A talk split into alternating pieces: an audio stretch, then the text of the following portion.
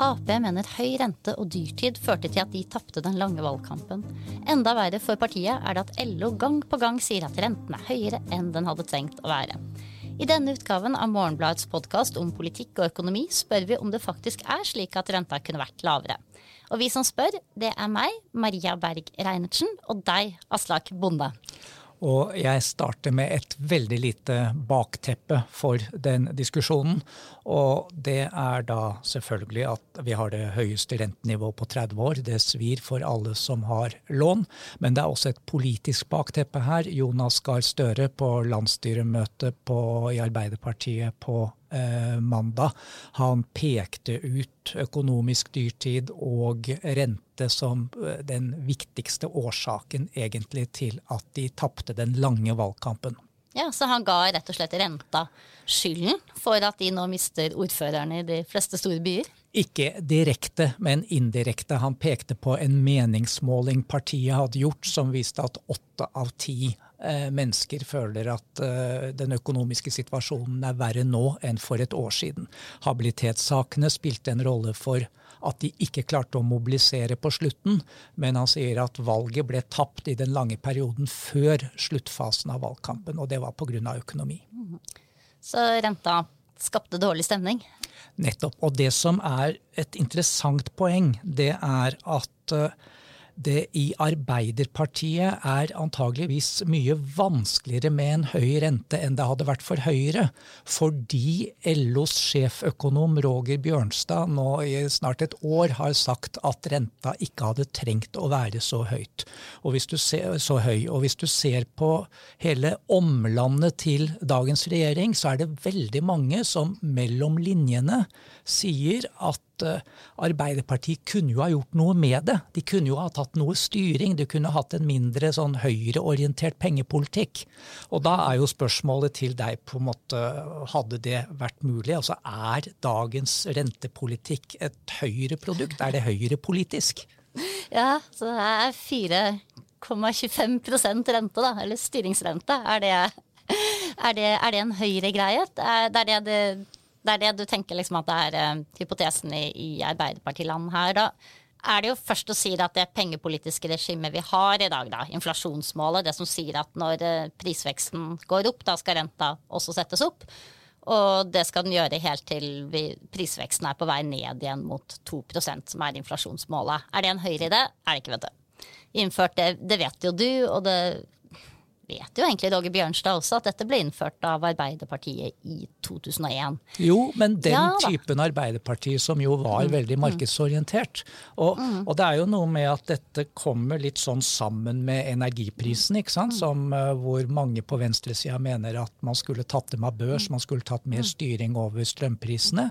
Og på samme måten så så kan man altså si at det pengepolitiske regimet vi har nå, det er jo sånn at sentralbanken vil øke renta for å få mer slakk i økonomien, og mer slakk i økonomien er egentlig økt arbeidsledighet. Ja. Og, og, derfor så er det på en måte høyrepolitikk. Ja, Høyre er for uh, arbeidsledighet, liksom. Ja. Jo, nei, men det, på ett nivå så er jeg litt enig med deg, da. Fordi uh, jeg tenker at hvis du tenker høyrepolitikk ikke som det Erna Solberg til enhver tid liksom driver med, men som denne motsetningen mellom arbeid på den ene siden og kapital på den andre siden, og kapitalens interesser, så er det jo noe med at den ideen om inflasjonsmål, ikke sant, det å holde prisveksten lav, det handler jo Effekten av det er jo også det at du holder ikke sant, formuesverdier oppe. da. Store formuer faller mindre i verdi, rett og slett, når, når de ikke blir spist opp av, av en inflasjon på 4-5 uh, eh, Så der er det jo et lite sånn, kan man si, et høyre, klassisk sånn høyre-element. Og så tror jeg det er et annet element som er mye viktigere, og som er det jeg også oppfatter at kanskje Bjørnstad er, er ute og liksom hinter mot. Og det handler jo om det at med inflasjonsmål så er det jo rett og slett programforplikta til å øke rentene når lønningene øker mye, ikke sant. Og eh, fordi at lønn, høy lønnsvekst fører jo også til høy prisvekst. ikke sant? Lønninger er en kjempeviktig komponent av, av prisveksten i, ved de fleste tilfeller, skal vi snakke litt etterpå om, når det ikke er sånn. Og, og da får du jo en dynamikk, da, særlig i Norge, ikke sant? faktisk i en sånn økonomi hvor, hvor, lønningene avgjøres med liksom forhandlinger mellom partene i arbeidslivet. Så får du jo en økonomi hvor LO da blir stående hele tiden i en trade-off mellom skal vi be om økte lønninger? ikke sant? og få økt rente på kjøpet, eller skal vi vise lønnsmoderasjon? Uh, og da kan du jo si at kombinasjonen av inflasjonsmål da, og, og veldig sånn sentrale oppgjør og, og, forhandlede lønninger, sånn som vi har i Norge, Eh, det blir jo en sånn selvdisiplinering da, egentlig av arbeidstakernes lønnskrav. Og så tror jeg det som har gjort folk skikkelig sure i det siste, er at du ser at det funker ikke like disiplinerende på bedriftenes eh, økning av prisene for å beholde profitten. Nei, for er ikke dette en kjerne? Altså, eh, Roger Bjørnstad og alle de som er enig, han blir jo en sentral figur her. Han var ikke en så sentral. Jonas Gahr Støre nevnte ikke han med navn, bare for å ha sagt det. Men han argumenterer jo med at hele dette pengepolitiske regimet er egentlig laget for andre land enn de nordiske, hvor vi har en inntektspolitikk. Mm som gjør at man i mye større grad enn i andre land har kontroll på lønnsdannelsen. Roger Bjørnstad sier jo at ja, men vi har jo lovt at vi skal holde lønningene nede med frontfagsmodellen. Og vi, vi, vi vil ikke la oss påvirke egentlig av at uh, altså vi trenger ikke å disiplineres ved hjelp av renta. Og der har han vel et poeng, har han ikke det? Uh, han har jo et poeng på det viset at det eller, altså, det, det, er jo, det, det, er jo, litt usikkert. da. Man kan jo også si at inflasjonsmål kanskje virker enda bedre i en sånn økonomi hvor du har eh, sentral lønnsdannelse. Fordi at hver enkelt arbeidstaker den vil jo aldri tenke liksom at oi, nå øker uh, renta hvis jeg øker lønnskravet mitt, så derfor må jeg vise moderasjon. ikke sant? Det kan skje i USA, liksom, der, du, der fagforeninger ikke spiller en så viktig rolle i lønnsdannelsen. Så der må du faktisk gå hele veien til at renteøkninger fører til at bedriftene investerer mindre, sånn at arbeidsledigheten faller. Sånn at hver enkelt arbeidstaker får mindre liksom, forhandlingskraft. eh, mens i Norge så kan jo inflasjonsmål i teorien da funke veldig bra, nettopp fordi at eh, eh, sjeføkonomen i LO, Roger Bjørnstad, alle andre kan komme og si til arbeidstakerne at vet du hva, nå kan vi ikke kreve så høy lønnsvekst, for da øker renta. Så nå krever vi litt mindre lønnsvekst i år. Men, men så er det jo det Norges Bank sier, er jo det at de sier at ja, ja, vi, vi ser du sier dette, og vi, vi vet at norsk økonomi fungerer sånn, men likevel så tror vi nå at lønnsveksten kommer til å bli høyere enn det vi trodde for noen måneder siden. Og derfor så spår vi også nå at vi mest sannsynlig kommer til å sette opp renta en gang til i desember. Og ser du på en, det pengepolitiske rapport som kom fra Norges Bank, sammen med Det er liksom der de forklarer alle som samler de analysene de har bak, eh, bak at de øker renta. da der er det en kjempeinteressant graf uh, denne gangen som viser uh, gapet mellom på den ene siden rammen i lønnsoppgjøret, altså det man forandret seg frem til, og det andre hva lønnsveksten ble de siste årene. Og da er det sånn at det er ganske stort gap. da. Det ble ganske mye høyere lønnsvekst enn det man faktisk forhandla frem. Og det er faktisk mange som sier at det kan bli et enda større gap denne gangen, fordi de i forhandlingene så Eh, forhandlet de frem veldig store sentrale tillegg. Altså det var lite rom for lokale forhandlinger. Og i tillegg så går eksportindustrien og oljeindustrien så det suser. Og, og det er jo til og med på en måte litt eh, usolidarisk av oljearbeiderne f.eks. å ikke kreve mer enn 5% i lønn når, det, når, fortjenesten er helt enorm. De burde jo få litt av den fortjenesten, de også. Så det er grunn til å vente enda mer lønnsøkning enn det som er avtalt. Mm. Og da blir vi jo sittende eh, og se på en, en, annen bit av hele denne diskusjonen om, om, renta må være så høy som den er i dag. Og det er jo den Er egentlig lønnsveksten en så, en, en så viktig driver for inflasjonen? Som den teorien om inflasjonsmål på en måte ofte tar utgangspunkt i. Da. Og, og er det sånn at det fins det liksom andre veier å komme seg ned denne trappen på enn å dumpe fra trinn til trinn ved å øke, øke renta og øke arbeidsledigheten? Eh, og der har det oppstått en ganske interessant diskusjon ute i verden, som også har, har kommet inn i Norge, takket være økonomen Olav Slettebø bl.a., som skriver i Morgenbladets økonomispalte på nettet. Det var reklamen. Eh, og det er jo det som kalles grådighetsinflasjon, eller profittdrevet inflasjon. Uh, vil du høre litt om det? Ja, du, du, skrev jo også en artikkel om det, om hun økonomen som ble æreskjelt av hele det samfunnsøkonomiske miljøet, og som nå er blitt en hotshot. Ja, Isabella Weber. Uh, som egentlig er økonomisk historiker, og som har forska mye på, på, Kina. Og der også derfor satt seg litt sånn inn i uh, hva som egentlig drev liksom prisveksten i etterkant av andre verdenskrig i Vesten. Og da kom hun jo frem til det at det var jo, da så hun jo kjapt at det var jo ikke høye lønnskrav, det var jo rett og slett knapphet på varer. ikke sant? Og så sitter hun her da liksom ved utgangen av pandemien og sier at den prisveksten vi ser nå, den ligner veldig mye på det. Det er knapphet på varer, produksjonslinjer har blitt stengt ned, det er problemer i liksom forsyningen.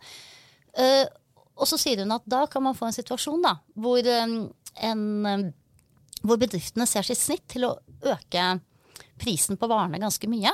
Ikke bare for å betale for liksom dyrere strøm f.eks., eller dyrere mm, innsatsfaktorer, da, som det heter i produksjonen sin, men også for, rett og slett fordi de har en mulighet da, til å øke inntjeningen sin. Fordi folk har ikke noe, noe annet valg. Uh, og, og, på det tidspunktet hvor hun kom det, så ble hun jo kalt dum og ikke en ordentlig økonom. og egentlig ganske kraftig sabla ned. Men så etter hvert som dataene har kommet, da, og så har jo både eh, internasjonale pengefondet IMF og Den europeiske sentralbanken, og til sist nå også Norges Bank, sett grundigere på det her med greedflation. Og kommet til at ja, ja, det, det fins det. Det skjer. eh, og, og, det gir en litt sånn interessant dynamikk, da.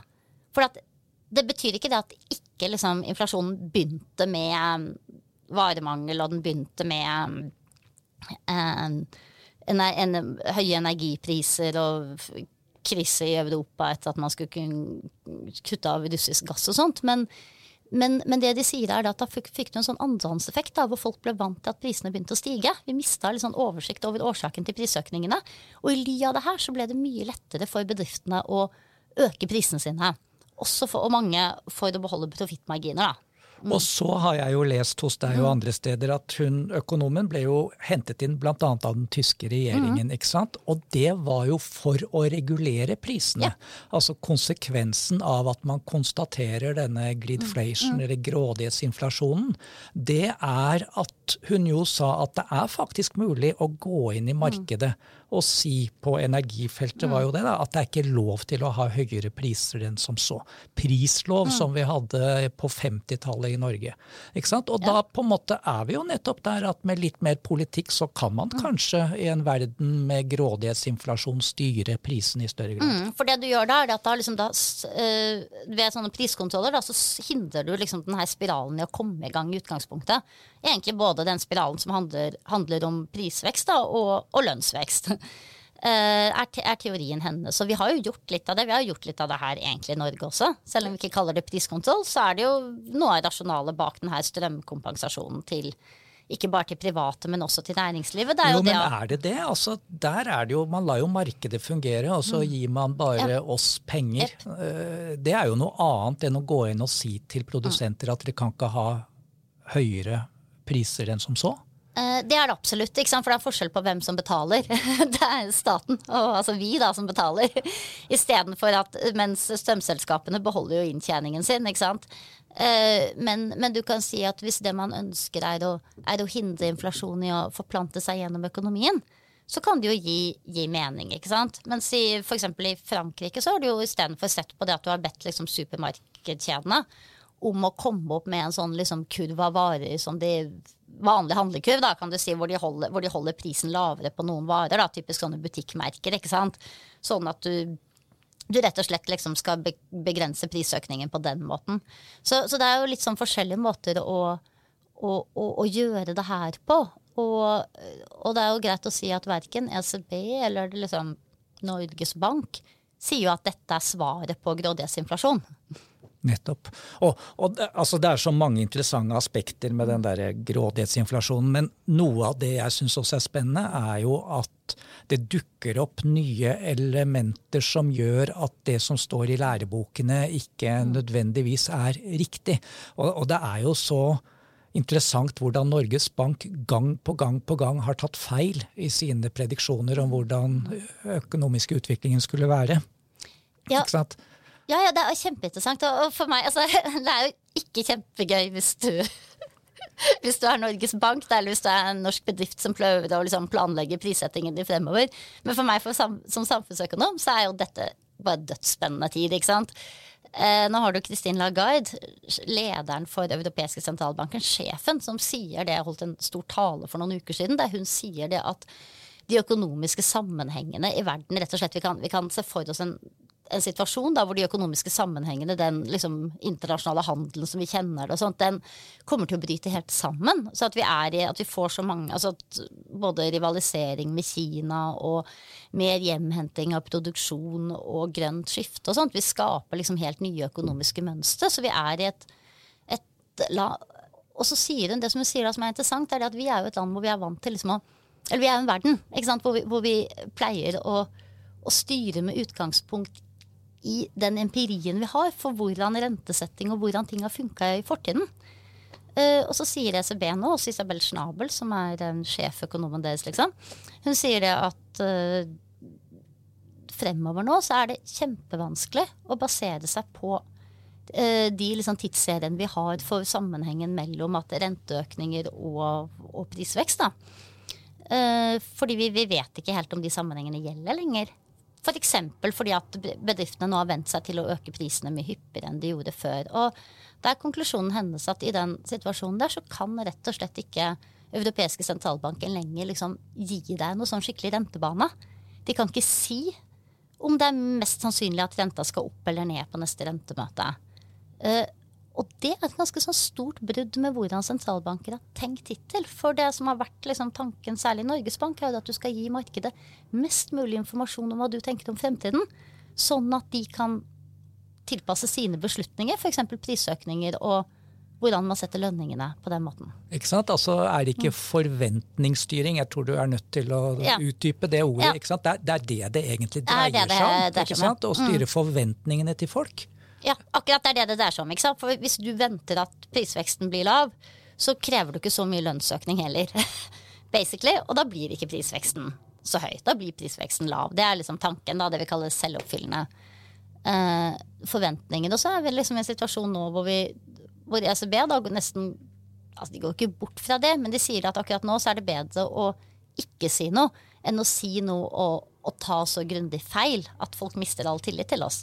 Det er jo egentlig det de sier med Norges Bank. De er ikke helt der. For de sier fortsatt at ja, de sier veldig tydelig på at det er stor usikkerhet, men de sier at mest sannsynlig så skal renta opp i desember. Og da lurer jo jeg på eh, Betyr det at vi er på vei inn i en sånn here we go again-høst nå? Med renteøkninger og misnøye og en sånn skikkelig skvis på regjeringen på den ene siden. Kan det gjøre mer for å bedre privatøkonomien til folk? På den andre siden kan det være så snill å ikke bruke mer penger, sånn at renta går enda høyere opp? Absolutt. Og da er vi jo egentlig tilbake igjen i politikken. ikke sant? Mm -hmm. Fordi hvis du snakker med Arbeiderparti- og Senterpartifolk nå, så er jo deres håp for 2025-valget det er jo Det var inntil forrige torsdag, da sentralbanken hadde sitt siste rentemøte og la fram denne spådommen om ny renteøkning i desember. Frem til forrige torsdag så håpet de at nå var rentetoppen nådd, og så skulle man frem mot valget i 2025 få en lavere rente samtidig som man fikk lavere prisstigning.